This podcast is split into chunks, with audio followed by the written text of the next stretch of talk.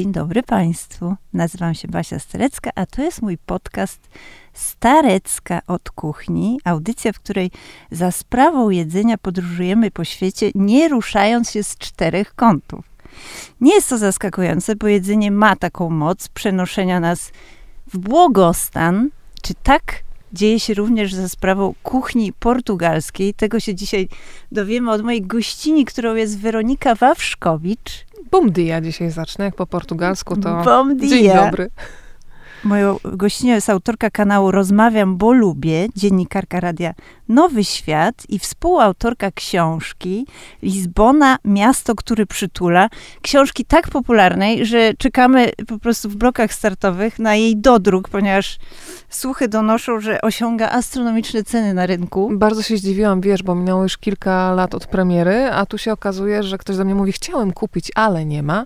I wysyła mi link, że 150 zł książka kosztuje, ale dowiedziałam się właśnie z wydawnictwa z wielkiej litery, że będzie dodruk, więc będzie można w kulturalnej cenie również zakupić. To wspaniale, to z pewnością to y, poczynimy. Powiedz, moja droga, czy kuchnia portugalska wprowadza rzeczywiście w błogostan? Bo z tego co wiem, to ty w Lizbonie odczuwasz nawet nie tyle błogostan, co werostan. Co to jest za stan i czym on się objawia?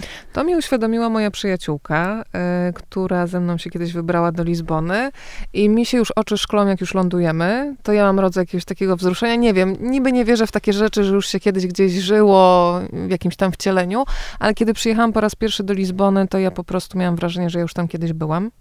E, mimo, że jechałam z takim no, pogruchotanym serduszkiem po rozstaniu i sobie wymyśliłam pierwszy samotny wyjazd. Nigdy wcześniej sama nie jeździłam. Tydzień będzie w Pradze i tydzień będzie w Lizbonie. I w tej Pradze było koszmarnie. Tam pojechałam pociągiem i po prostu siedziałam i płakałam i jakby odkryłam, że ja te problemy chciałam od nich uciec, a one ze mną przyjechały do tej Pragi i nawet miałam taki moment, po co ja pojadę do tej Lizbony? Znowu zawiozę te swoje zmartwienia tam na miejsce. Ale wysiadłam w Lizbonie i to był chyba w ogóle pierwszy dzień listopada, więc też taka data bardzo specyficzna jak na wakacje. Optymistyczne. Tak. I słuchaj, ja zobaczyłam w witrynach okien dziewczynkę w dorosłym opakowaniu. Po prostu, ja się śmiałam non stop, jak się uśmiechałam do tego miasta i miałam takie poczucie, jak tu jest pięknie, ja wiem, że tu wrócę. Jechałam tam tylko na cztery dni i to było pierwsze miejsce, w którym ja zostawiłam wszystkie przewodniki i zaufałam własnym stopom. I to mi już zostało na zawsze i za to ja będę Lizbonie wdzięczna po wsze czasy. No to jest takie miasto, które jak e, ujęłyśmy to w tytule książki przytula i przyjmowało mnie w przeróżnych stanach ducha i to jest takie moje miasto do tęsknienia, ale też zdałam sobie sprawę z tego, że ja tam nigdy się nie przeprowadziłam tak, tak wiesz, na przykład na pół roku, co byłoby możliwe przy moim trybie życia jako freelancera i że to jest takie moje miejsce do tęsknienia, czyli trochę wyidealizowane, że nie doprowadzam do tego momentu, kiedy z tego werostanu Mm. Przechodzę w taki tryb, że trzeba załatwiać rachunki, urzędy i te sprawy. A właśnie Iwona, moja przyjaciółka, mi uświadomiła, kiedy tam wylądowałyśmy, zrobiła mi zdjęcie zaraz po wylądowaniu i ja mam po prostu na twarzy takiego banana i ten banan nie schodzi aż do momentu, kiedy nie dojadę do Polski, ale staram się też podtrzymywać potem ten lizboński stan e, w Warszawie, żeby nie było, że tylko tak wyjazdowo. O to chciałabym cię na pewno zapytać, no bo chodzi o to w tej audycji, żeby sobie fundować różne szerokości geograficzne, właśnie pozostając na swojej własnej. Niemniej y, dopytam jeszcze tylko o to przytulanie, bo to brzmi, powiem ci, zawsze zachęcająco. A jeżeli chodzi o takie solowe wycieczki, nie każda destynacja się do nich nadaje, nie wszędzie się czujemy, my kobiety na pewno bezpiecznie. Więc pytanie o ten aspekt, czy Lizbona rzeczywiście jest takim miejscem otulającym, że można się poszwędać y, właśnie bez jakiegoś takiego poczucia y, zaskoczenia, niebezpieczeństwa, czy tam jest tak bezpiecznie? Jak sobie przypomnę, jak byłam tam kilkanaście lat temu po raz pierwszy, to wtedy kompletnie nic nie wiedziałam o Lizbonie i wylądowałam, mówiąc delikatnie, w takiej szemranej dzielnicy. E, I faktycznie, jak zapadał zmrok, e, to bezpiecznie się czułam w hotelu, wtedy jak byłam sama, ale teraz, jak po kilkunastu latach, nigdy nic złego mi się w Lizbonie nie wydarzyło. Oczywiście, no jak w każdym wielkim mieście, zdarzają się jacyś kieszonkowcy i kradzieże, ale nigdy nie miałam takiego poczucia zagrożenia, więc ja tam sobie zawsze łazikuję i się włóczę Mm. bardzo często samotnie. Co to za szemrana dzielnica, to od razu powiedzmy. Wiesz co, ja już nawet nie pamiętam, co to była za dzielnica, bo to było bardzo blisko, jak państwo by jechali z lotniska, to y, takie przedmieścia w zasadzie No jeszcze. tak, to zawsze. Więc to, to, to nie było mogą pewnie dziwne. E, ale myślę, że no, podstawowe takie zasady bezpieczeństwa. Są takie miejsca, gdzie po prostu y, czujesz, że po zmroku może niespecjalnie. Oczywiście. E, ale jeżeli chodzi o samo centrum, y, to, to to ja potrafiłam faktycznie bardzo późno się tam włóczyć. Często już znajdowałam przyjaciół na miejscu, myślę o znajomych mieszkających tam, ale w kategorii takich miast, o których chodzą słuchy, że to są niebezpieczne miejscówki, lepiej się nie zapuszczać, to ja bym Lizbony do tego woreczka nie wrzucała. To na czym polega to otulenie jej, e, oprócz takich, e, no właśnie wprost, e, wątków bezpieczeństwa, takich podstawowych? Otulenie dla mnie to, jest, to są ludzie, którzy dla mnie mają takie połączenie ciekawe, bo to jest gościnność, ale to nie jest taka głośna gościnność, nie wiem, włoska, hiszpańska, taka dla mnie trochę za ekspansywna, ale to jest mm, tylko moja perspektywa. Tylko mają coś takiego, że jak chcesz pogadać, to od razu jakby wysyłasz kontakt i od razu masz człowieka dookoła. Ale jeżeli sobie chcesz siąść przy stoliczku i zanurzyć się w tym języku, który jest tak cudowny, ja w ogóle kocham portugalski, bo jak sobie przeanalizujesz, to tam jest bardzo dużo słów, które jak wymawiasz, to się układają ustak do pocałunku, przysięgam. Jest na przykład taki wyraz, Marta e, Stacewicz-Pajszem, z którą pisałyśmy książkę, mnie tego uczyła, jak uszinelusz. Co sobie myślisz, jak słyszysz uszinelusz? No jakąś taką wygodną muszelkę, w której można się położyć i zasnąć. A to są takie zwykłe rozdeptane kapcie po polsku. A, no to... I zmienia się perspektywa. Albo na przykład jest, kocham też taką eks, um, ekspresję słowa Aże sztora. Dla mnie to by było świetne przekleństwo. Aże sztora, a to jest y, pani menadżer. A żurnalista, a dziennikarka, nie? Że tam jest tyle zabawy takiej słownej, więc to jest taka jedna rzecz w ogóle przytulająca, że ja się lubię, no właśnie, zanurzyć w dźwiękach i one są takie przytulające, a w ogóle jak sobie mm, będziesz obserwować na ulicy, jak ludzie mówią do zwierząt, to nie dość, że generuje się ten dźwięk, który nam się zawsze generuje, kiedy mówimy na przykład do psów, to jeszcze ten język portugalski to już jest po prostu cudo. E, ale właśnie lubię to, że kiedyś e, siedziałam tam miesiąc i przechodziłam obok wypożyczalni skuterów. Ani razu tam nie wypożyczyłam e, skutera, ponieważ nie mam prawa jazdy, ale codziennie mówiłam tam bom dia, bom dia, machaliśmy sobie z panem i ostatniego dnia, kiedy wyjeżdżałam, mówi, wiesz co, wpadnij na kawę, więc ja przyszłam z pasztel de kawę, przegadaliśmy tam sobie dwie godzinki, a na finał dał mi, słuchaj, taką małą buteleczkę zatkaną koreczkiem i w środku była karteczka powietrze z Lizbony. I on mi powiedział, słuchaj, jak ci będzie brakowało kiedyś tego powietrza i tej atmosfery, to sobie otwórz tą butelkę. I to był obcy człowiek. Tam nie było jakiegoś takiego, wiesz, flirtu damsko-męskiego, tam mm. po prostu była radość ze spotkania. I nie był to też suwenir przez niego sprzedawany, Nie, nie, ja nie musiałam za to zapłacić, bo znam oczywiście te pani tutaj, zobaczy jakie wspaniałe, a potem poprosimy tak. 10 czy 15 euro. Tylko taka autentyczna wymiana szczerej energii. Ja mam tę buteleczkę do dzisiaj, po kilkunastu latach i wystarczy, że ja się do niej uśmiechnę, jak ona sobie gdzieś tam przy lusterku leży. Mm i, I, właśnie chodzi mi o taką energię, że jeżeli chcesz mieć kontakt, to masz, ale też yy, mam wrażenie takiego szacunku też dla, jeżeli chcesz mieć taką strefę swoją, że akurat nie masz ochoty na gadanie, tylko masz nastrój saudade, tej melancholii, mm. tęsknoty, to sobie też tam znajdziesz przestrzeń. To brzmi wszystko tak bardzo powolnie, niespiesznie, że, mhm. że Lizbona rzeczywiście może być takim miejscem pełnym tych muszli czy kapci do, do schowania się, do, do zakokoszenia jakoś. Y, powiedziałaś też, y, wspomniałaś o dźwiękach, o, o tym, jak melodyjnie brzmi język portugalski. Ja wczoraj sobie odświeżyłam film y, Wima Wendersa mm. z myślą o naszym spotkaniu. Lisbon Story.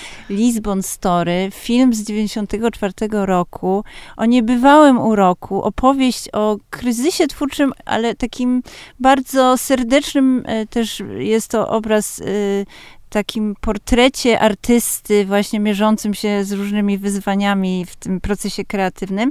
Y, to jest, powiedziałabym, poboczny wątek, bo jednak na pierwszym planie jest zdecydowanie Lizbona i jej taka niezwykła właściwość pochłaniająca, bo ewidentnie ten kryzys twórczy wydarza się za sprawą Lizbony, która po prostu y, jakoś potrafi zawładnąć y, tym, tym artystą, tym filmowcem, a później dźwiękowcem właśnie, który ko zaczyna kolekcjonować dźwięki Lizbony, y, na tyle skutecznie, że panowie zapominają, po co tam przyjechali. Więc wyobrażam sobie, że w tej tak. Lizbonie właśnie jest coś takiego, że można się w niej zatracić. A wiesz, co jest fajne? Teraz mi to na, na, naprowadziłaś mnie, że masz jakiś plan nawet w Lizbonie. I ona cię uczy tego, żeby odłożyć ten plan na bok e, i zaufać tym stopom. Ja sobie zobaczyłam, był taki dokument e, Deutsche Welle przygotowało o najstarszej pralni w Lizbonie. I tam, wiesz, takie panie, które w takich korytach kamiennych jeszcze ręcznie piorą i to jest takie malownicze. Ja mówię, muszę w końcu tam dotrzeć. I taka pani lat 90, która opowiada, jak ona zaczynała, jak to wyglądało. No i poprosiłam mojego męża, męża, który mi namierzył, gdzie jest y, ta pralnia. No i pierwszego dnia się odbiłam, było zamknięte, drugiego dnia zamknięte te drzwi, trzeciego jestem i już mam taką, wiesz, wyobraźnię, że te panie będą, a tu puste te koryta, po prawej stronie wchodzi jakaś pani, mówi dzień dobry, i nagle patrzę, ona wchodzi do takiego pomieszczenia, gdzie jest rząd pralek normalnych, takich wiesz, automatycznych, więc to moje pranie pękło, to marzenie, wyobrażenie jak bańka mydlana. Ale poszłam sobie dalej i jest coś takiego jak taki ołtarzyk. No i masz tam e, pastuszków, masz e, figurkę Matki Boskiej i jest taka figurka, takie popiersie faceta, tak do po, no popiersie, czyli popiersie, z taką bujną grzywą. No i zrobiłam tylko zdjęcie, bo mi nie dawało spokoju. Pamiętam do dzisiaj, to był taki kolor turkusowy, odłażący od, od białej ściany.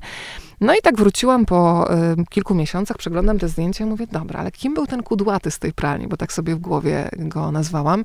No i kombinuję, kombinuję, no nie wiem, ale musiał być istotny, skoro w tym świętym gronie ktoś go tam umieścił. Więc wrzucam na Facebooka zdjęcie i mówię, Słuchajcie, może rozpoznacie. Ktoś tam mówi Peso. Ja mówię, jaki Peso? On był taki wyliniały, podłużna twarz, to nie on. No i nagle ktoś mi podpowiada, konkretnie dziewczynę z takiego portalu Sekrety Lizbony, który też bardzo polecam, e, że to jest doktor Martinszy. No i ja dopiero odkrywam, że to jest taki doktor, który w XIX mm, wieku był e, lekarzem, zakaźnikiem, e, tam leczył też bardzo biedne osoby, był w towarzystwie królewskim. No i są też cudowne historie o nim, jak to zawsze powtarzał w szpitalu, że czasami najważniejsza rzecz, jaką może możesz dać człowiekowi, to tylko go podtrzymać za rękę i mieć dobre słowo, no bo wiadomo, że te metody wtedy były dość e, ograniczone. No i on się niestety zaraził od jednego ze swoich pacjentów, popełnił samobójstwo, bo przedawkował bodajże morfinę, ale po tej jego śmierci Portugalczycy w ogóle taki kult rozpoczęli tego doktora Martinsza i on w zasadzie jest takim cywilnym świętym. Czyli wiadomo, że Kościół katolicki by zakazał, no bo w taki sposób sam sobie mm. podziękował za życie.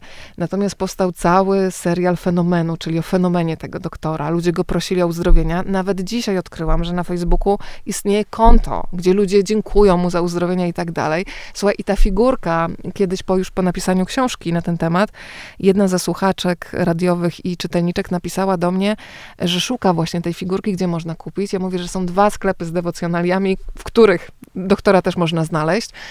I ona mi kupiła i ona mi go wysłała. E, doktor wprawdzie stracił chyba jedną rękę, bo spadł tam z parapetu, ale cały czas jest blisko i naprawdę mi przypomina, że no, że czasami masz tylko dobre słowa dla drugiego człowieka i to już jest dużo. I, I, ja sobie tak, wiesz, oczarowuję, oczarowuję, zaczarowuję tę przestrzeń takimi drobnostkami, których Lizbona jest pełna i mam wrażenie, że to jest jedno z tych miast, które ci daje nagrody za uważność. Czyli możesz przechodzić tysiąc razy przez ulicę i nie zauważyć na przykład muralu z gąską balbiną z Polski, nie wiadomo skąd. Albo sobie przejdziesz, zatrzymasz się, ją zobaczysz i już masz i ona cię tam grzeje. Mm, czyli lekarz od zdrowia i higieny. Tak sumie. jest. Na to wychodzi. Tak. A powiedz, moja droga, oprócz tego, że moglibyśmy sobie regularnie sprawiać pranie z intencją, y, z myśleniem o doktorze, to co jeszcze moglibyśmy zaimplikować do naszego życia czy diety, co pozwoliłoby nam się poczuć odrobinę portugalsko? Mamy taki zwyczaj w tym podcaście, że wymieniamy sobie pięć rzeczy, pięć produktów, pięć dań, ale myślę, że nie muszą być to stricte kulinarne y, rzeczywiście punkty, które nam gwarantują y, samopoczucie z konkretnego miejsca na świecie. Więc co dla ciebie jest taką Portugalią w pigułce w pięciu punktach? Okej, okay. myślałam wczoraj o tym, że będziemy mówić o jedzeniu i połączyło mi się to w ogóle z mentalnością i z tym, co jest dla mnie takim chyba wyznacznikiem prostota.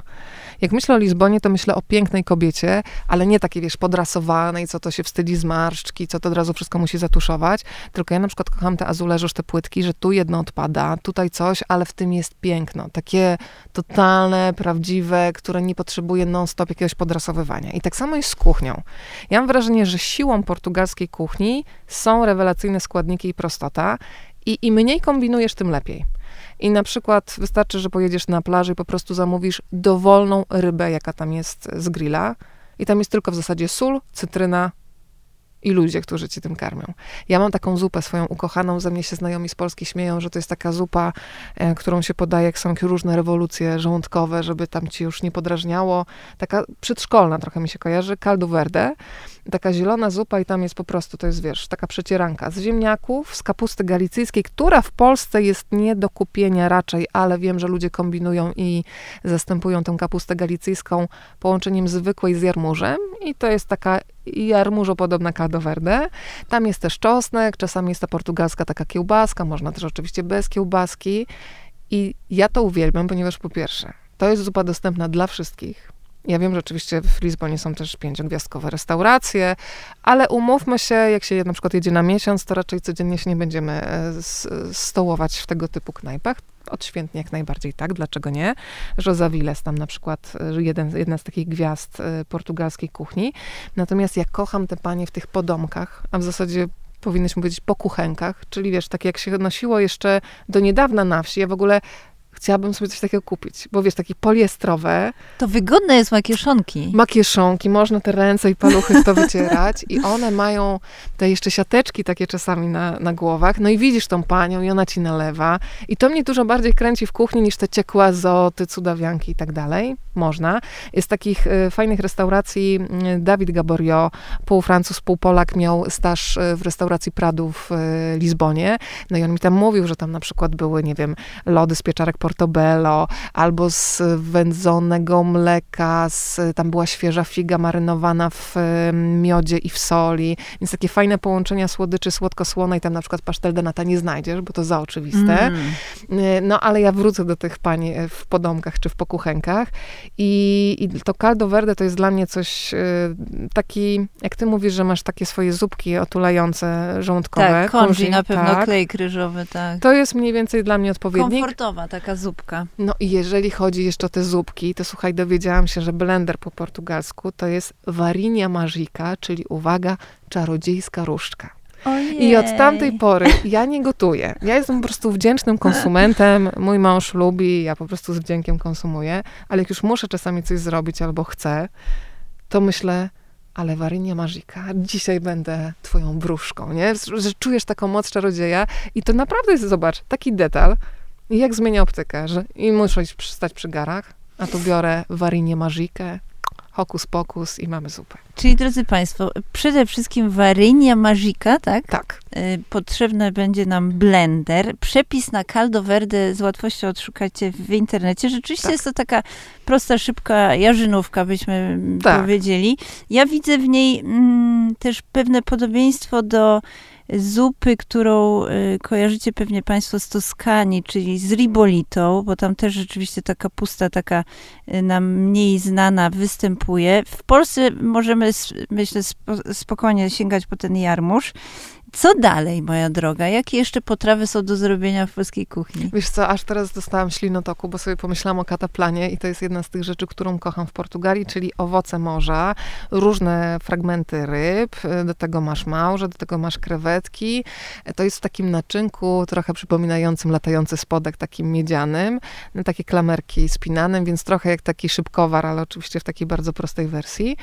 No i najbardziej lubię to, co zostaje ten sosik, bo to się tam ze sobą tam naprawdę długo przebywa i łączy i przenika, więc sobie wyjadasz i tym chlebkiem, mimo że ja się staram być bezglutenowa, ale w, wiesz, w Portugalii to jest gluten fest. Nie można tych sosów zostawić. Nie, to by było w ogóle marnotrawstwo, grzech, nie można do tego dopuścić, więc to sobie można tak jeszcze, wiesz, e, zamotać. Odkryłam też w Lizbonie dla siebie Yy, no nie ukrywam, że jestem fanką ośmiornicy, bo yy, lata temu trafiłam na ośmiornicę grecką i ja byłam przekonana, że po prostu ośmiornica smakuje jak guma. Po prostu ktoś ją źle zrobił wtedy. I jak mi ktoś zaproponował w Portugalii, mówię, nie, nie, ja nie lubię, to jest takie gumowate. I tylko zobaczyłam takie spojrzenie gumowate, ty chyba nie jadłaś dobrej ośmiornicy. No i okazało się, że faktycznie jej nie jadłam. I najbardziej lubię taką prostą, właśnie grillowaną ośmiornicę z fasolką jeszcze szparagową, z ziemniaczkami, polana tak oliwą, ale tak naprawdę od serca, nie tam, że jakoś y, drobno. No i to są takie rzeczy. I jeszcze wiem, że jeżeli chodzi o mężczyzn, y, w towarzystwie których mam okazję biesiadować w Portugalii, no to też widzę dużą słabość do połączenia na przykład wieprzowiny z małżami, z kolendrą, czyli połączenie tych owoców morza i mięsa. Tak. Że to jest nietypowe, ale faktycznie y, bardzo dobrze to też smakuje, czyli dla tych, którzy są mięsożerni, to, to jest coś do spróbowania. Ten gulasz rybny, o którym wspomniałaś, rzeczywiście bywa czasami w takim połączeniu morze z ziemią, czyli mhm. dobra dobra, wypasające się, to źle powiedziałam, nieelegancko, ale mięsiwo w połączeniu z, z połowem, czyli z rybami, z owocami morza, ono jest podawane rzeczywiście, ten, ten mówisz statek kosmiczny, a mi się to kojarzy z taką wielką muszlą, bo ona ma jeszcze No takie tak. klamerki, Tak. szczególnie jeśli tam pływa rzeczywiście y, ocean w środku, Tak. no to te, te skojarzenia z muszlą jakoś tak mi się nasuwają, ale znalazłam też y, ciekawy wątek, jeżeli chodzi o samą historię przygotowywania tej potrawy i, i, i, i użycia tego szybkowaru, czy jakbyśmy to nazwali, że jest w tym pewne nawiązanie do y, dziedzictwa kuchni arabskiej, która odcisnęła swoje piętno na w ogóle y, jakby ich obecność tam y, odcisnęła piętno na historii Portugalii, ale też na, na tym naczyniu i na tym daniu, że jest to pewnego rodzaju nawiązanie być może, oczywiście to są zawsze spekulacje, jak z tymi wszystkimi historiami, kto był pierwszy, kto serwował lody, czy zrobił makaron, że jest to nawiązanie do tażinu, że mniej Mhm. więcej ta, ta Tak. sama jest... I ten y, kształt w sumie bardzo tak, podobny. ta sama Mhm. technika. Wspomniałaś też, że y, ośmiornice, te niezwykle mądre zwierzęta No są, właśnie, po, są I to jest polane. bolesne e, po zobaczeniu Konstatacja, filmu. Tak. tak. że są polane y, dużą ilością oliwy i to bez wątpienia jest produkt, który można używać w polskiej kuchni i może on mieć właśnie to pochodzenie portugalskie, można sobie taką oliwę z Portugalii nabyć. Y, Teraz mi przychodzi do głowy y, źródło y, tego typu smaku w Portugalii, które właśnie się tak nazywa, Smaki Portugalii. Tak. Sklep zarówno internetowy, jak i stacjonarny w Warszawie mieści się na Biobazarze w fabryce Norblin, to możemy Państwu polecić, z długą historią, prowadzi to małżeństwo. I myślę sobie jeszcze o tych innych produktach, no na pewno jeżeli chodzi o dania główne, to już powiedziałeś, mamy dwie potrawy, mamy zupę, mamy ten, ten finałowy właśnie gulasz rybny, a na deser, co byśmy sobie mogły zjeść i wypić, bo do dostania jest również kawa portugalska. Tak, i ja też, jak mówiłaś o tych miejscach w Polsce, to też w koszykach e, Manuel Portugalczyk ma tam na przykład pasztet de nata bardzo dobre, jest jakaś też krótka karta portugalska, wiem, że w Krakowie jest e, Cafe de Lisboa. I to też jest takie fajne miejsce, gdzie właśnie wchodzisz, pijesz kawkę, nie jest duże, czyli jest takie właśnie lizbońskie, malutkie, ale żeby wypić kawę, chwilę pogadać, zamienić dwa słowa i, i pobiec dalej. E, A jeżeli chodzi o kawę, to ja byłam absolutnie zachwycona, że wszędzie, nawet w najmniejszej norce takiej, e, można znaleźć kawę bezkofeinową, bo jak chodzisz cały dzień po mieście, no to cały czas cię korci do tej kawy, ale po trzeciej, czwartej, no tak już troszkę rzuca tymi rączkami, więc deszcz kafeinadu to jest właśnie ta kawa bezkofeinowa i naprawdę wszędzie e, można ją dostać. Jeżeli chodzi o desery, no to pasztel de nata to wszyscy wiemy, natomiast ja jestem wielką fanką e, baba de camelu, czyli takiego deseru, który w tłumaczeniu na język polski oznacza ślinę wielbłąda. I myślę, że chodzi o konsystencję, y, bo, ale nie krzyw się nie krzyw, bo to jest taki mus, który się składa z kajmaku, z żółtek i z y, ubitych białek, więc to jest przesłodkie. W ogóle wszystko, jeżeli chodzi o słodycze w Portugalii, mam wrażenie, że nasze poczucie słodkości razy trzy to będzie tak w miarę słodkie dla Portugalczyka, więc to uwielbiam. Uwielbiam, jeżeli chodzi o słodycze w ogóle, y, podobno bardzo dużo słodyczy powstawało w ogóle w klasztorach, bo w dawnych czasach ludzie składali daninę w postaci jajek i te białka były na krochmal i do, nie pamiętam, do klarowania chyba y, wina się wykorzystuje też białka, ale tu nie, nie oddam głowy za to. Natomiast z tych żółtek robiono różne słodycze i nazwy niektórych słodyczy do dzisiaj mają takie korzenie, które prowadzą w stronę klasztorów. Wydawałoby się miejsca, gdzie panuje asceza, a jednak była rozpusta. No nie, nie, nie, ci braciszkowie i No. siostrzyczki to sobie tam dogadzali. brzuszki na przykład aniołków, uszy przeora, ploteczki zakonnic. To są takie nazwy, które jak się pochylisz nad tym, to nagle widzisz, że tam e, o coś jednak musi chodzić.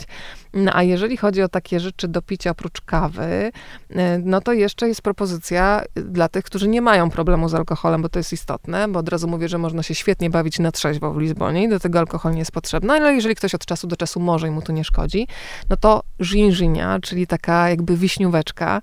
I ja przyznaję, że ja w ogóle bardzo rzadko piję alkohol. Za winami na przykład nie przepadam. Różowe porto to jest coś, co, co, co jak najbardziej temu mówię tak. Natomiast przy ginżyni to ja naprawdę wracam rozkołysana kołysanym krokiem e, przez to miasto Siedmiu Wzgórz, bo to jest dość mocne. Może być opcja z wisienkami w środku albo bez. W Alfamie bardzo często można kupić żinżynie wprost z domu jakiejś pani, która sobie wystawia taki malutki stoliczek. Często są takie kieliszeczki, które przypominają po prostu czekoladowe naparstki, czyli że masz żinżynie, a potem sobie jeszcze przegryzasz tę czekoladkę, więc to jest taka już słodycz w pełni. Mm, deserowo, co jeszcze można by deserowo? No mnóstwo jest e, takich ciastek na przykład z mm, nadzieniem kokosowym. Raz zrobiłam misję i nawet znalazłam, słuchaj, pasztel de nata bezglutenowe. I o ile jeszcze dwa lata temu mogłam je polecić, o tyle teraz zmienił się cukiernik w tym miejscu i nie, i, i nie jednak, jednak nie. Więc to musi być klasycznie Tam dużo, dużo jest jajek. Mam wrażenie, że te portugalskie desery smakują jak kogel-mogel. Mm -hmm. Jesteśmy w tych klimatach babcinej kuchni. Tak. Jakoś cały czas widzę te, te babcie właśnie, które serwują tą zupę i, i sobie myślę, że mogłyby też kręcić tego kogla-mogla. One oczywiście mają pewne niuanse między sobą, różnią się formą, tak. wielkością. Pamiętam takie pączki nabite jajecznym kremem, ale rzeczywiście ten smak jaja dominuje. Pamiętam też swoją rozmowę y, z właścicielką wspomnianej przez ciebie Kafe Liszboa w Krakowie, Marta Kirsch nazywa się y, ta osoba i, i pamiętam jej przygody właśnie z opracowaniem receptury tych bardzo znanych portugalskich ciasteczek i, I próby przeniesienia ich na polski grunt, największym wyzwaniem okazało się zastosowanie margaryny, które jest w oryginalnym przepisie. Marta za wszelką cenę chciała jednak bazować na maśle. No, ona mm. ma mhm. lepsze, tak. lepszy PR na pewno, jeżeli chodzi o dietetykę. E, chociaż to wiadomo, te mody dietetyczne się również zmieniają co jakiś czas. Niemniej nie udawały się te próby i rzeczywiście finalnie skończyło się na jakiejś tam margarynie. E, ciastka są niebywale popularne w Krakowie. Ilekroć tam Pyszne, jestem, to właśnie, ilekroć tam jestem, to widzę, że, że, że cały czas buzuje to miejsce i to cieszy. Y, I ta kultura, która wydaje się być typowa dla Portugalii, czyli takiego szybkiego ciasteczka zawsze w duecie właśnie z kawą Delta, y, utrzymuje się, udało się ją wdrożyć, y, więc to też cieszy. I nie wiem, czy pamiętasz, w tym miejscu jest też pięknie namalowany w wielkości takiej naturalnej drzewo jest namalowane jakarandy, tak. takiego rzeczywiście wyjątkowego drzewa, które kwitnie na fioletowo, taki habrowy kolor. Ja widziałam je tylko... Fuksja w... trochę taka, Tak, nie? właśnie. No. Tro... Widziałam je tylko w stanie kwitnienia. Nie wiem, czy ono się utrzymuje. Niemożliwe. Na pewno są jakieś fazy e, przez cały rok. I, I to cieszy oko w tym, w tym miejscu właśnie prowadzonym przez Martę przy okazji Pozdrawiamy jak najbardziej. Ale I... jest też, wiesz co, jest też taki blok czekoladowy, teraz sobie przypomniałam, w jednej mm. z sieci z, z owadem, że tak powiem, też się czasami pojawia. I w sensie smakowym, no umówmy się, to nie jest dobre, bo tam czuć tę margarynę, po prostu jest, to jest taki jak blok czekoladopodobny z Perelu. To, to ja mam mhm. takie jakby odniesienie. Ten cukier ci po prostu między zębami, yy, no czujesz, ale znowu chodzi o to, że ja to jadłam tam i jak tylko się pojawia w tej sieci supermarketów, to ja to kupuję. Mój Tomek mówi, nie, to jest takie niedobre, to jest takie słodkie, ale po 15 minutach mówi daj. I po prostu czasami jesz po prostu przez sentyment. Oczywiście. Bo jak się przyjrzysz składowi, to faktycznie no, nie, nie polecam. Czyli sporo mamy tych smaczków, tak. widzisz, portugalskich. Yy, chociaż wydaje się ta kuchnia rzeczywiście słabo obecna w polskim pejzażu. Mhm. Oprócz tych wymienionych miejsc, być może Państwo będziecie coś wiedzieć, to prosimy o informację, gdzie tej Portugalii można jeszcze w Polsce szukać restauracji restauracji, kawiarni, cukierni, może coś wiecie, ale no myślę, że tutaj mamy już przynajmniej taką y, podstawowo zaopatrzoną spiżarenkę i możemy na niej bazować. Y, rozmawialiśmy też, moja droga, o, y, o takich właśnie przyjemnościach, które się wydarzają spontanicznie, kiedy się człowiek włóczy po mieście i zdaje się, że Portugalia sprzyja właśnie różnym rodzaju, różnego rodzaju przegryzkom, że łatwo jest coś złapać do ręki i posilać się nawet nie wstępując do żadnych kawiarni czy restauracji. Tak, no bo przecież y, takie, takie nazwa, która od razu szyldy, które ci się rzucają w oczy, nawet jak nie wiesz, gdzie jest jesteś, nagle jakby cię ktoś przetransportował, to wszędzie masz pasztelaria, pasztelaria i po prostu wystarczy obrócić głową i ona jest, jest wszędzie. I to jest połączenie w sumie tak sobie myślałam, że w Polsce no nie ma chyba cukierni, w której można zjeść też zupę właśnie. A tam możesz kupić ciastko, y, salgados, czyli te różne słone przekąski, czyli takie paszteciki albo z dorszem, albo z krewetkami, albo z mięskiem. Y, są takie przekąski też na bazie beszamelu jeszcze, więc taki na haps, na hapsnięcie, mm. ale w tej samej kawiarni zamówisz kawę, zamówisz ciastko i tą na przykład sopa de dia e, umazupinia, e, czyli zupka, w ogóle też zdrobnienia. Przecież oni wszystko zdrabniają. Obrigadinio na przykład, czy obrigadinia, no bo jestem kobieta, więc to A muszę na końcu dorzucić. Więc y, takie zdrobnienia, znowu jakby było w tym takie, no... Czułość. Czułość, no. O, czułość to jest dobre słowo, to jest bardzo pasujące do Lizbony skoro jesteśmy przy, przy języku, zaraz wrócimy do wątków kulinarnych, ale zastanawiam się, czy my się tam dogadamy. Czy trzeba znać te wszystkie magiczne słówka? Ja ci powiem, że ja nie znam do tej pory portugalskiego tak, żeby rozmawiać z kimś, nie wiem, o polityce, ekonomii, o uczuciach. E, angielski jest wystarczający, a ja nawet celowo zidentyfikowałam w sobie taki opór, bo mam wrażenie, ja kocham być z ludźmi, na przykład takie sytuacje, kiedy wchodzę do takiej taszki, czyli taszka to jest właśnie takie rodzinne miejsce, gdzie nie masz restauracji takiej typowej, tylko mała restauracyjka prowadzona przez na przykład mamę z córką, tam z tatą. Taszka, w ogóle to taszka już ładnie brzmi, więc wchodzisz sobie do taszki i jesteś z ludźmi, którzy są bardzo blisko, czasami na wyciągnięcie dłoni, bo te stoliki są jeden przy drugim, ale ja nie znam tego języka tak, żeby go rozszyfrować, o czym oni gadają. I ja czasami sobie nawet się bawię, wiesz co, w takie listy dialogowe. Ten na pewno powiada o tym. A myślę, że gdybym znała wszystko i na przykład bym odkryła, że oni tak jak Polacy na przykład sobie narzekają właśnie teraz na rząd albo na coś tam, więc wiem, że trochę podkoloryzowuję i zaczarowuję, ale lubię ten moment zanurzenia w języku, który jest mi bliski, taki osłuchany, ale jednak cały czas stanowi tajemnicę tak jak z tym miejscem do tęsknienia, że nie doprowadzam do momentu przesytu. E, więc y, angielski, jeżeli chodzi o komunikację, to w zasadzie wszędzie, a nawet jeżeli trafiasz do takich taszek, gdzie są tylko starsi ludzie, to pani, nawet jak nie ma karty czasami, to ci przyniesie, byłam kiedyś w takim cudownym miejscu, gdzie pani po prostu szła do kuchni i przynosiła mi w maleńkich takich e, miseczkach rzeczy do spróbowania, żebym sobie wybrała po prostu, co mi smakuje. I to o. jest super. A jeszcze kilkanaście lat temu nawet nie było, nie wiem, kas fiskalnych i na karteczce ci pani tam długopisikiem podliczała, ile masz zapłacić z tego, co mówisz, moja droga, to ty jesteś rzeczywiście w takiej miłosnej relacji, y, w fazie platonicznej. Ale mi się śni to miasto. Słuchaj, ja nie tęsknię... Z Ja nie tęsknię za miastem, tylko tęsknię dokładnie na tej samej fali emocjonalnej, jak za człowiekiem. Że zamykasz oczy i czasami, jak mi tak, to mi się włączy, czasem taki szwendar, że nie mogę pojechać, ale chcę, to zamykam oczy i sobie na przykład wyobrażam, o, teraz idę na tak, o, tam siedzą te mewy, o, tam, albo jak oglądam czasem filmy nawet, wiesz, na Instagramie, no to, to, no wiem, że tam powycierałam te kąty, ale wiesz, co się kiedyś zdarzyło? Robiłam zdjęcie takiemu panu, który siedział w Alfamie z kotem i sobie obiecałam kiedyś, że ja wywołam to zdjęcie i mu przecież przywiozę. Ileż razy składaliśmy sobie takie obietnice. No i w końcu Marta jechała, Marta Stacewicz-Pajsze. Mówię, Marta, jedziesz zawieźć temu panu. No i Marta zadała normalne, racjonalne pytanie, jak się pan nazywa i gdzie mieszka? Ja mówię, nie wiem, jak on się nazywa. Powiem ci, gdzie mieszka. Wiesz, pamiętasz, gdzie wynajmowałam mieszkanie? Zajdziesz trzy schodki na dół, e, o tej i o tej godzinie tam sąsiedzi siedzą przy kawie. Pokażesz to zdjęcie, to ci pomogą. I ponieważ Marta jest równie otwarta na świat, więc powiedziała, dobra, zrobię to, nie wiem, czy się uda. I ona znalazła, po to się okazało, że pan się nazywa Z, czyli pan Józef. Pan Józef w ogóle był bardzo zdziwiony, ale powiedział, że pamięta tę wysoką dziewczynę, e, no bo faktycznie nie tam czasami biorą za Portugalkę, ale jednak jestem za wysoka, więc to, to mnie zdradza trochę.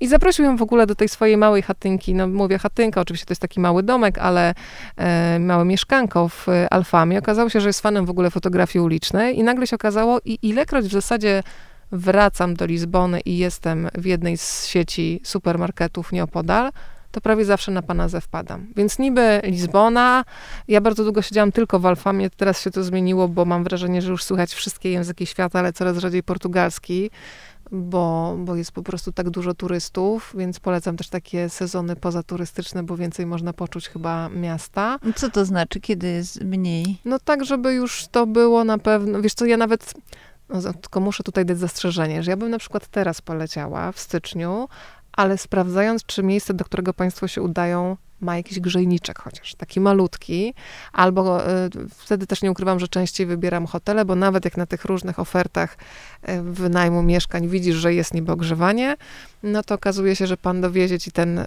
niby grzejniczek, ale tak przez pięć dni mu się nie udaje.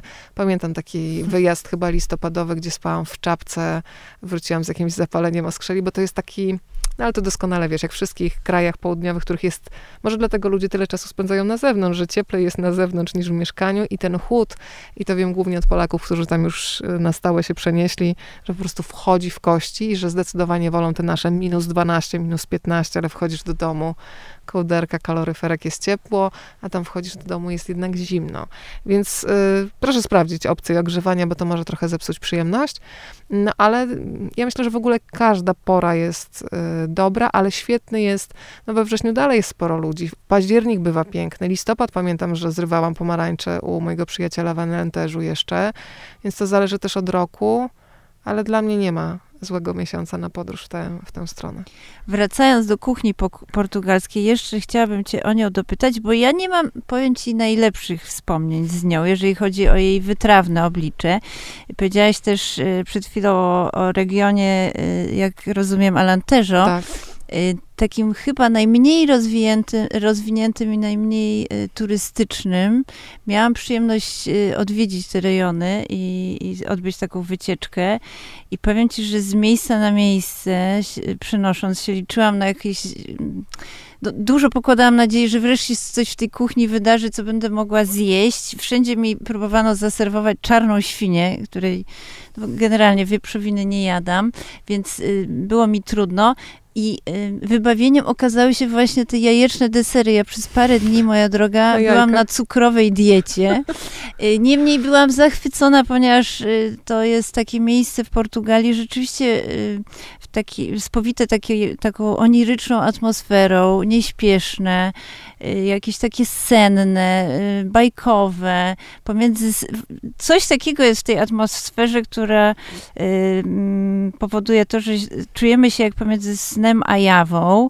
I też przepiękne właśnie, pamiętam, że to był ten okres kwitnienia tej jaka randy i, i słońca i te wszystkie kafelki na ścianach, o których opowiadałaś, więc Y, szukam jeszcze tych wątków kulinarnych, które przekonają, y, przekonają Państwa do, do wizyty właśnie w tych, y, w tych rejonach.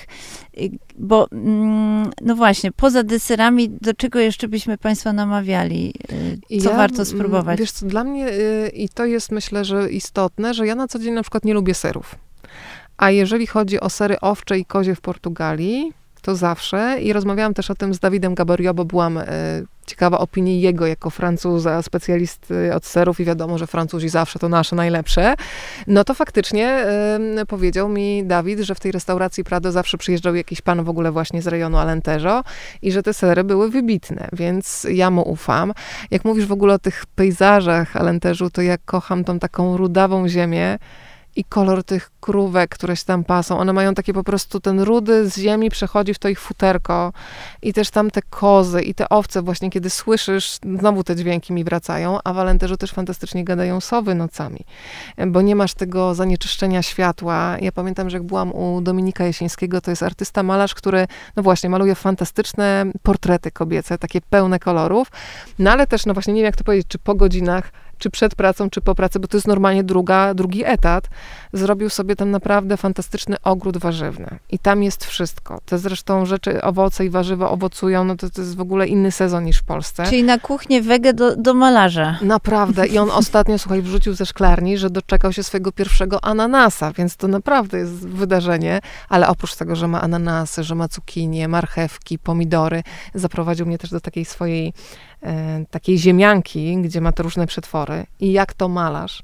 Ma wszystko kolorami, po prostu przetwory, te takie różne czatneje, sosy piękne, e, dżemy i to wszystko jest tak kolorami, że po prostu jesz e, oczami.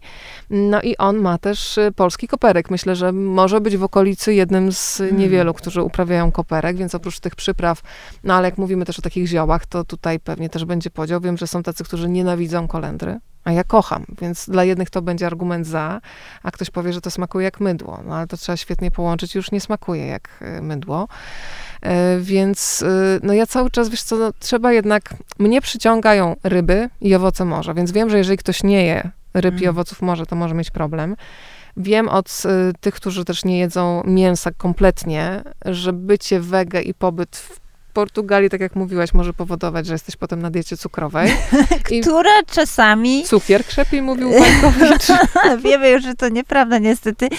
ale od czasu do czasu jakiś taki krótki wypad myślę, że nam nie zaszkodzi. Tak, ale jest jeszcze jedna przyjemność i bardzo się dziwię, że to się nie upowszechniło w Polsce, a przecież jest możliwe do zrobienia, czyli kasztany. Mówi się, że najlepsze kasztany są na placu Pigal, a ja będę polemizować. Uważam, że najlepsze są na placu Rosiju.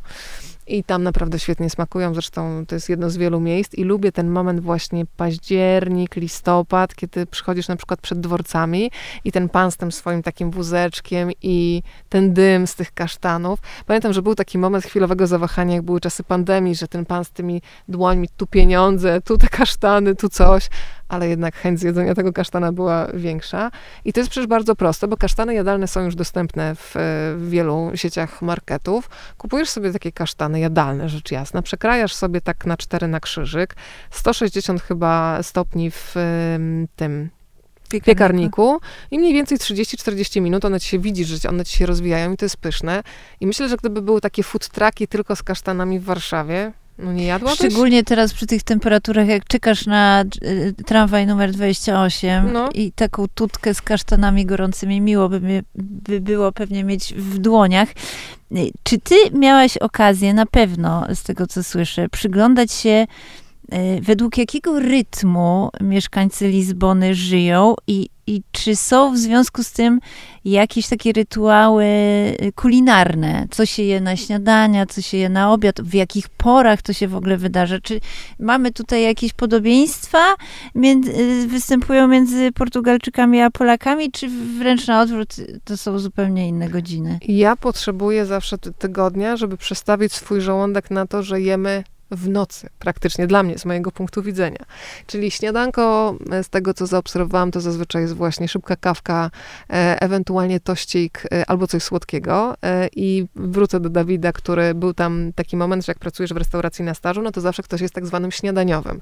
I on mówi, że jak pierwszego dnia zobaczył, że tam jest chleb tostowy, szynka i e, żółty ser, to stwierdził, że nie będzie na tych kanapach, przecież jechał cały staż i zaczął robić różne granole, sałatki owocowe i jak ekipa zobaczyła, że tak fajnie gotuje, to bardzo szybko został już na stałe tym śniadaniowym i wiele rzeczy, nawet takich drobnostek tam im jakoś przemycał i, i to chwyciło, ale śniadanie powiedziałabym, że nie cieszy. To na pewno nie jest najważniejszy posiłek dnia, jak, jak teoretycznie się uznaje, że u nas w Polsce.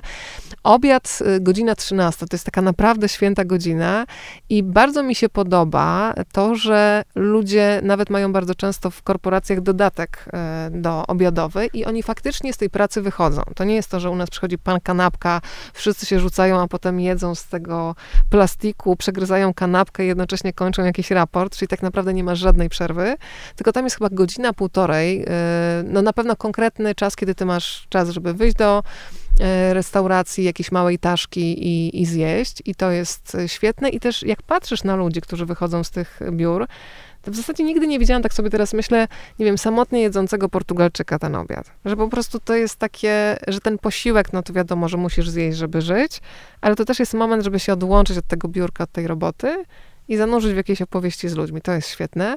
No jeżeli chodzi o kolację, to nie mogę mm, zapomnieć, kiedy się umówiłam ze swoimi portugalskimi znajomymi, że spotykamy się o 20 na kolację. Ja jestem z tych ludzi, którzy wolą być godzinę przed pociągiem niż za minutę, więc ale się bardzo pilnowałam, więc byłam tak, wiesz, za 3.20. Oczywiście, że byłam pierwsza. E, był pusty stół, nic jeszcze na nim nie było. W kuchni w ogóle dopiero tam trwało jakieś rozpakowywanie zakupów i ja miałam takie wrażenie, czy ja coś, może ja coś źle zrozumiałam. Ale nie no, faktycznie to jest tak, że umawiasz się na jakąś godzinę, a potem zaczynacie gotować i to jedzenie się zaczyna gdzieś tak właśnie 22, 23 i dla mnie to jest zawsze pewien problem, bo no, zazwyczaj tam kończę, nie wiem, 19, 20, chyba, że jest jakaś chęć na chipsiki albo podjadanie, no też tu bywa, ale w sensie takiego dużego posiłku, no to raczej po nocach nie jem, ale bardzo szybko jestem w stanie się dostosować. Uważam, że jeżeli przyjeżdżamy, do nowych miejsc, to należy stosować tamtejsze zasady i wtedy będzie komfortowo. Także te, te takie trzy pory jakoś najbardziej mi, mhm. ta trzynasta i, i ta wieczorna taka obfita kolacja. Zastanawiam się, czy no, ta nacja typ, typowo południowa ma rzeczywiście taką predylekcję do spędzania czasu poza domem, bo to na pewno się rzuca w oczy, więc podejrzewam, że większość czasu jednak y, się spędza, y, czy to w kawiarniach, czy w restauracjach i tam jada, ale czy jest jednak taki zwyczaj, że się gotuje w domu i zaprasza znajomych? Czy ty bywałaś zapraszana przez swoich portugalskich znajomych? Czy trudno jest jednak przejść przez tą granicę w relacji na bardziej bliższą? Powiem ci, że y, byłam zapraszana, ale też właśnie Marta Stacewicz-Pajszan, która tam przemieszkała faktycznie 11 lat, pracowała też dla polskiej ambasady, zwróciła mi uwagę na to, że to wcale nie jest takie częste, że ktoś cię zaprasza do domu, albo na przykład poznaje cię ze swoją rodziną, więc dla mnie to też było tym bardziej cenne, jeśli okazywało się, że, że ludzie, których znam, a Mam taką jedną rodzinę, u której pamiętam, że przypadkowo poznałam, ponieważ wynajmowałam mieszkanie. E, była impreza, to były jeszcze czasy takie trzydzieści kilka lat, kiedy sąsiedzi z naprzeciwka przyszli. Potem się tak zakumplowaliśmy, że przez te 10 lat ja patrzę, jak się nasza znajomość rozwija, bo widzę, że e, Sofia i Gonzalo najpierw byli po prostu parą wolnych ptaków, teraz już mają drugie dziecko. I też zabawne jest to, że kiedy byłam ostatnio w Lizbonie, to jeszcze nie zdążyłam się z nimi mówić na spotkanie i wpadliśmy na siebie na ulicy, więc to też było świetne. Więc yy, i zawsze właśnie jak rozmawiamy z Sofią, chociaż się widzimy no, raz w roku, czasami raz na dwa lata, dość przypadkowo, ale dostałam od niej zaproszenie, żeby na przykład do niej pojechać do Setubalu, do, do, do jej rodziców, więc to było dla mnie takie fajne, też przyjmujące, ale też Marta mi właśnie zwróciła uwagę, że dużo częściej, że nawet yy, to mnie zaskoczyło, że jak jest, nie wiem, kolacja wigilijna i nagle wszyscy zrobią trzy, cztery, schodzimy, idziemy na kawę, ale idziemy na kawę nie, że ktoś przynosi z kuchni, tylko idziemy do lokalu gdzieś tam na dole, bo ktoś E, serwuje, więc takie, ale też dla mnie jest, e, to jest ważne, że tak czasami narzekamy, że nasi seniorzy nie chodzą na kawę, no ale ta kawa w Portugalii jest dużo tańsza po prostu, niż wchodzisz i płacisz, nie wiem, dwadzieścia kilka złotych w sieciówce za kawę. To jakby mm. rozumiem naszych emerytów, że tak. może oni by się chcieli zabawić i pójść na ciasteczko, ale jeżeli ciasteczko z kawą kosztuje 50 złotych, a masz emeryturę, nie wiem, 700 czy 1000, no to e, oczywiście Portugalia też jest biednym krajem, to w ogóle bez dwóch zdań, no ale ta kawa tam się zawsze trzyma jakoś, nie wiem, nie wiem ile było teraz, ale myślę, że półtora, dwa euro to jest e, Mm. W ogóle. Czy miałaś okazję odwiedzić Lizbony w okresach jakichś świąt i przyglądać się, jak to się wszystko wydarza? No, Święty Antoni, czyli e, taka impreza, szczególnie w Alfamie, gdzie po prostu noście prowadzi przez sardynki. O, o sardynkach nie wspomniałyśmy. O, właśnie. To jest też fajna rzecz, o której warto powiedzieć, że te sardynki w puszce z Portugalii, bo ja miałam takie przeświadczenie, że Ryba w puszce to zazwyczaj jakiś taki produkt y, tam dziesiątej jakości, poupychany, a te portugalskie puszki potrafią być świetne. Jest zresztą też taka restauracja, która serwuje same dania tylko z y, ryb y, w puszce sardynek. I, no i wszyscy wystawiają w Alfamie grille. Są takie mm, jak to się nazywa, takie girlandy kwiatowe, są różne takie zrobione z, z bibuły i ilustracje, scenki rodzajowe. No ale też y, pamiętam, że Marta mi mówiła, że jest coś takiego trochę jak chrzest bojowy, przyjęcie, inicjacja, jeżeli chodzi o jedzenie sardynek. Bo pamiętam, że jeden z naszych kolegów mówi, że on nie lubi, bo są te ości i trzeba się tam babrać, żeby to wyjąć.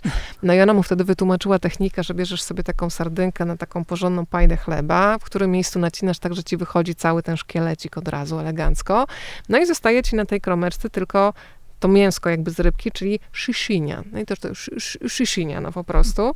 No i sobie jak zjesz kilka takich e, sardynek, no to też ta oliwa z tej ryby, ten tłuszcz po prostu spływa i tę kromeczkę, która ci jeszcze zostaje, pajdę chleba dajesz sobie na grzankę, znaczy na grilla i masz fantastyczną jeszcze grzankę, więc też jakby sposób podejścia do produktu ma tu znaczenie, że można sobie tę przyjemność przedłużać, o tak bym powiedziała. Właśnie, bo te konserwy portugalskie też robią wrażenie estetyczne. One są niebywale piękne. Zawsze te opakowania powodują taką konsternację, czy to w ogóle odpakowywać, czy jednak przechowywać w jakimś miejscu eksponowanym w kuchni i się na to patrzeć i cieszyć oko. Mnóstwo nowych słów, moja droga, y, tutaj padło dla mnie. Mam wrażenie, że nas już wyposażyłaś w takie podstawowe abecadło. Czy coś jeszcze powinniśmy z takich sekretów y, językowych, kulinarnych poznać, by wyposażyć się w nie przed samą wyprawą do Portugalii? Czy przychodzą ci do głowy jeszcze jakieś inne śmieszne, ciekawe słówka? Aż pipokasz na przykład, czyli popcorn, ale jak ktoś teraz na przykład nie zanotuje, to ja się umówiłam z Martą i wiem, że Marta powiedziała mi, że wiesz co, lingwiści nas zlinczują za to, co zrobiłyśmy w tej książce. I mówię, Marta, ale przecież nie chodzi o to, że ja mogę zrobić kulturalną, taką jak trzeba, korekt, transkrypcję.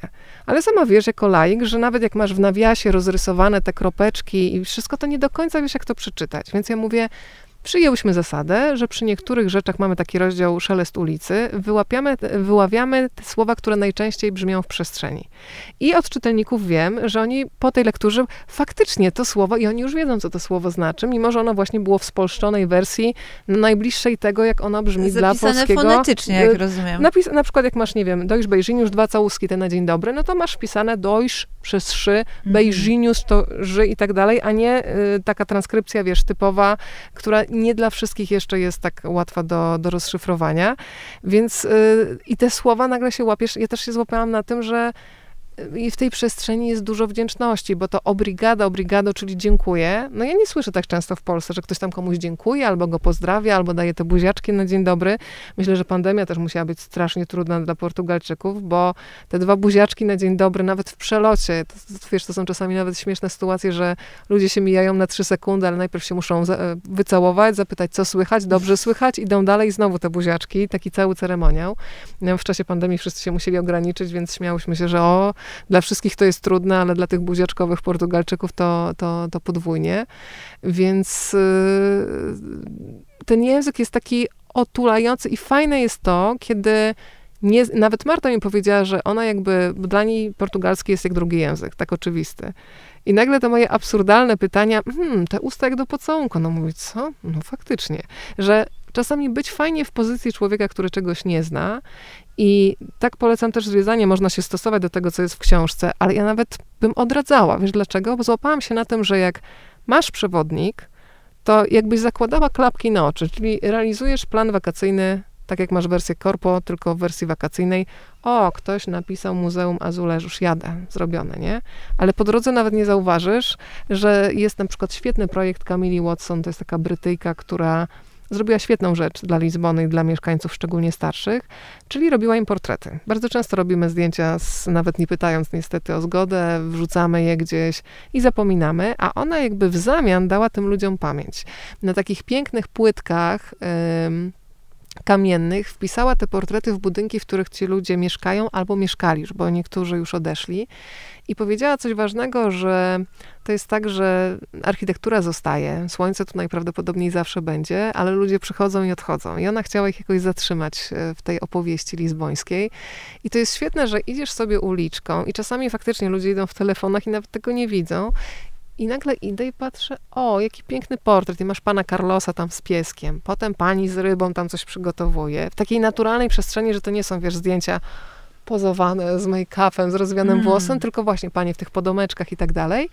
I wychodzisz kawałek y, za róg, a tam pani Maria właśnie żinżynie komuś serwuje i myślisz, jejku, to jest ta pani, którą przed chwilą zobaczyłam na tym zdjęciu. I widać, że ta Camila Watson y, ma takie doświadczenie, że jak patrzysz na te zdjęcia, to widzisz, że ludzie, którym robi zdjęcia, ufają tej osobie z obiektywem. Ona kiedyś pracowała też w fawelach y, w Brazylii y, z ludźmi, więc widać, że ma takie społecznikowskie też zacięcie i że to nie jest tylko tak, że coś zabiera z tego miejsca, tylko coś w tym miejscu zostawia i coś temu miejscu daje i to jest świetne, więc polecam, żeby się rozejrzeć, bo najpierw ten projekt był w Mourariri, z tego co pamiętam, z jednej z dzielnic z Lizbony, ale teraz widzę, że już się rozsiał e, po całym mieście. Chyba nawet było jakieś takie wsparcie e, miasta, mam wrażenie, żeby. Mm. Bo to fajna tradycja i myślę, że też moglibyśmy takie dobre wzorce akurat ja bym chętnie zobaczyła, na przykład panią z warzywniaka gdzieś w, w bloku, w którym mieszkam. U mm. siebie, nie? Od jakich miejsc zaczynasz każdy y, swój pobyt w Lizbonie? Ja najpierw idę nad tak, Kaisz Dasz Kolunasz, czyli takie dwie kolumny, na pewno Państwo kojarzą na zdjęciach typowo turystycznych i tam bardzo lubię przychodzić, bo tam odebrałam też lekcję od MEF, naprawdę. Z ptasiego na ludzki musiałam przetłumaczyć sobie. Pojechałam w takim momencie no, dość dużych zawirowań i tak usiadłam sobie i tak patrzę sobie na, to, na, na, na wodę, na rzekę i patrzę na te mewy i nagle widzę, że jak wiatr wieje w złą stronę, to ta mewa skubana się nie szamoce, tylko na chwilę się zatrzymuje i czeka, aż powieje z dobrej strony i wtedy rozkłada te skrzydła. Ja sobie pomyślałam, dziewczyno, i po co się szamoczysz? Postój sobie chwilę, poleż jak się przewróciłaś, zawieje z dobrej strony, znowu otworzysz skrzydła. Szkoda marnować tej energii na taką szamotaninę. Więc ja mam wielki szacunek do mef lizbońskich, bo dopiero one mi to e, uświadomiły. I też lubię takie, nauczyłam się tam zagapiać, czyli zostawiać te wszystkie swoje plany. I nawet ludzie się czasami pukali w głowę, mówi, Wero, ty jedziesz tam dziesiąty czy któryś raz i siedzisz znowu w tej alfamie. A miałam taką fazę. Mówię, słuchajcie, ale jest mi tam dobrze. No to po co ja mam się tam rzucać na 10 rzeczy? I uknęłam nawet takie sformułowanie, że ja nie mam czasu na pośpiech. Bo ten pośpiech nas okrada z wszystkiego, wiesz, co jest najcenniejsze. I z Kingą Dębską kiedyś rozmawiałyśmy z reżyserką, że jest takie słowo, ja mówię, że się tak czasem zagapiam, że taka gapa jestem. I to jest takie pejoratywne, nie? Ale przecież Kinga mi powiedziała, słuchaj, ale zagapianie się to jest najlepsza taka esencja tu i teraz, że ty jesteś w stanie zostawić sobie te wszystkie swoje planiki i po prostu zanurzyć się na maksa w tym, co ci się podoba. Więc taka afirmacja zachwytu. Więc ja tutaj jestem samozwańczą teraz preze, prezeską klubu GAP i gdyby ktoś chciał dołączyć, to możemy się zagapiać, jeść pasztel denata, popijać deszkafeinadu albo z kofeiną kawkę, rybka, fasolka, oliwa i ludzie. Bo ja, ja w ogóle, wiesz co, ja stwierdziłam, że jestem mało wymagająca kulinarnie. Jeżeli jest dobre towarzystwo, to ja mogę nawet grzankę suchą jeść, ale jak ktoś mnie karmi słowem, uśmiechem, energią, to, to ja mam to w zapasach, wiesz, zmagazynowane i się nie odkłada też w biodrach przynajmniej. Y, chętnie bym się z tobą zagapiła. Ja myślę, że w y, tych czasach nie ma miejsca w ogóle na takie zastanowienie się, na refleksję, bo wymaga się od nas, jest takie oczekiwanie, myślę, ogólne, by natychmiast działać, być skutecznym, produktywnym 24 na 7 i cały czas coś produkować i, i działać nieustająco. Nie ma tego momentu czekania na odpowiedni wiatr. Oj tak, a wiesz co mi się przypomniało? Jest herbata po portugalsku, to jest sza. W ogóle wiesz, taki czas na ciszę, sza, cicho, sza, czas na ciszę mi się to kojarzy. I kiedyś na początku moich wyjazdów trafiłam do takiej ni to zielarni, ni to herbaciarni. Pan miał jeszcze takie stare, drewniane e, szuflady, w których miał te zioła i po prostu ważył na takiej wadze w takich papierowych torebeczkach. I przywiozłam sobie miętę, chyba Ortela to się nazywa. I ta mięta była taka bardzo słodka i bardzo intensywnie pachniała, więc cały plecak, jak wróciłam, to po prostu był przesycony.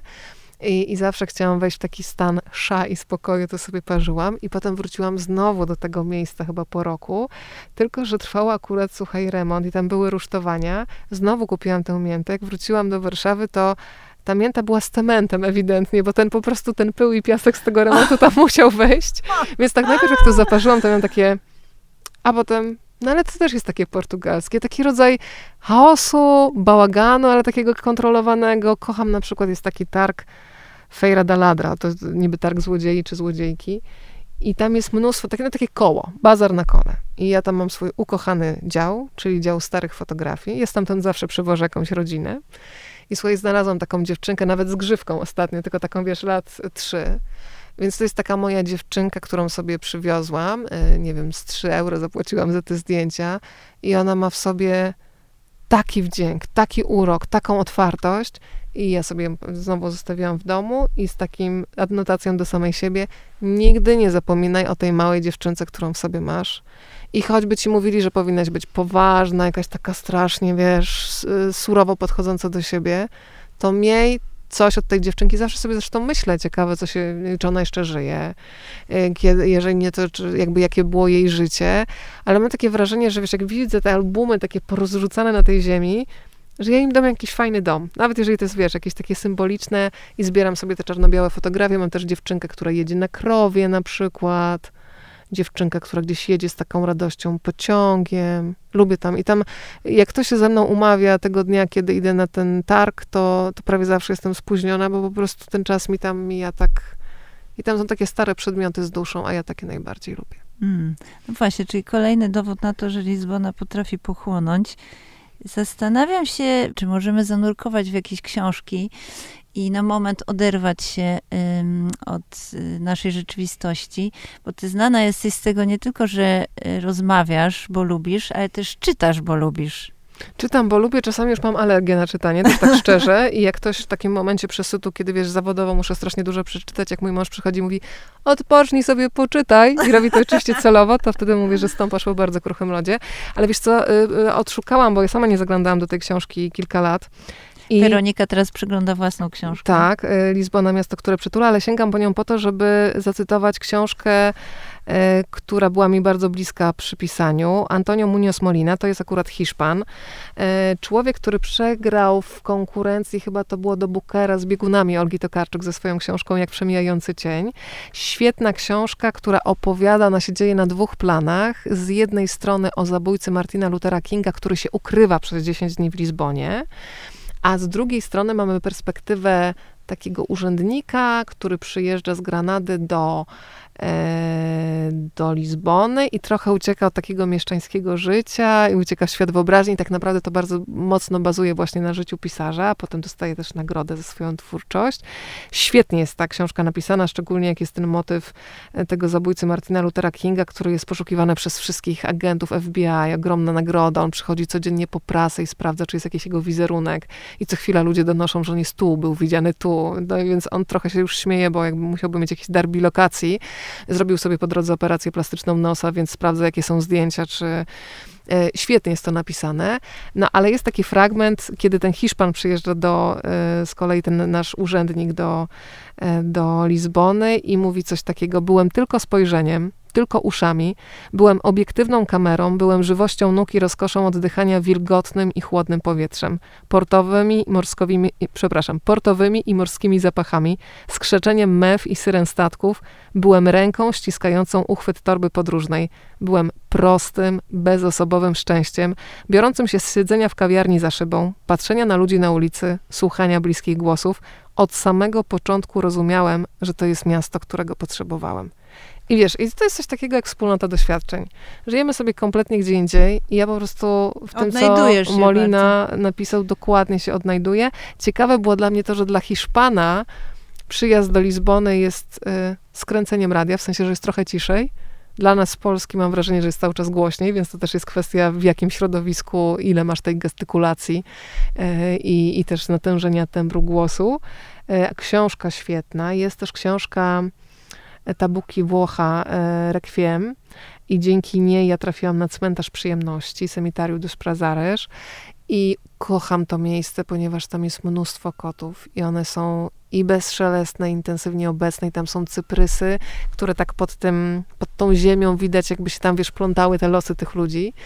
I tam jest jakaś taka, mimo że nad tym cmentarzem jest ścieżka mm, przelotu samolotu, więc cały czas coś ci nad głową krąży, to tam jest jakiś taki kurczę rodzaj spokoju i lubię ascetyzm tego miejsca. Nie znoszę naszych polskich cmentarzy, po prostu plastikolandia do kwadratu i to wszystko jest tak napakowane. Tam bardzo często są, w ogóle nie widziałam zniczy to raz, ale na przykład jakiś taki jeden kwiat gdzieś zatknięty e, przy tablicy i te koty, które sobie tam chodzą i też mam taki obrazek właśnie pani w podomce, kiedy jest pora karmienia, skoro wątki kulinarne. Nie wiem, co e, serwuje się kotom na cmentarzu.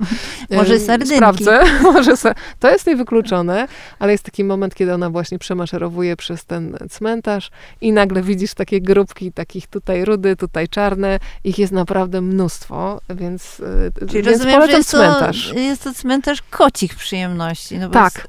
Zdecydowanie. Jak byśmy tłumaczyły, skąd ten przymiot? Wiesz co, tam była chyba kiedyś jakaś taka farma przed laty, która się tak nazywała, a potem chyba była, z tego co pamiętam, epidemia i potrzebne były tereny, więc to mm. zostało przekazane e, i, i tam faktycznie e, teraz to tak brzmi dość dziwnie, ale jak sobie myślałam, że jeśli umierać i potem gdzieś być, to, to taki cmentarz przyjemności jest całkiem ciekawym miejscem, tym bardziej, że też jest taka mur w pewnym momencie oddziela ten świat zmarłych od żywych i jakby spoglądasz przez mur i to takie intensywne życie i takie dwa światy tej ciszy i takiego zatrzymania i, i tego pędu, takiego szalonego.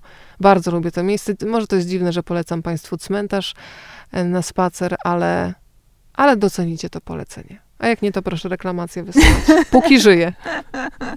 Będę odpowiadać. Dziękuję Weronika za tą Dziękuję. wspaniałą podróż do Lizbony i przede wszystkim za y, taką zachętę do refleksji, y, do zagapienia się na swoje własne życie. Myślę, że to z początkiem roku przyda się każdemu. Dziękuję Ci bardzo. I to saudade tam nawet lepiej smakuje, bo to nie jest tylko tęsknota, ale smutek, tęsknota, melancholia, ale dla mnie też wdzięczność za to, że coś może było, ale nam się zdarzyło. O, aż się rymnęło na koniec.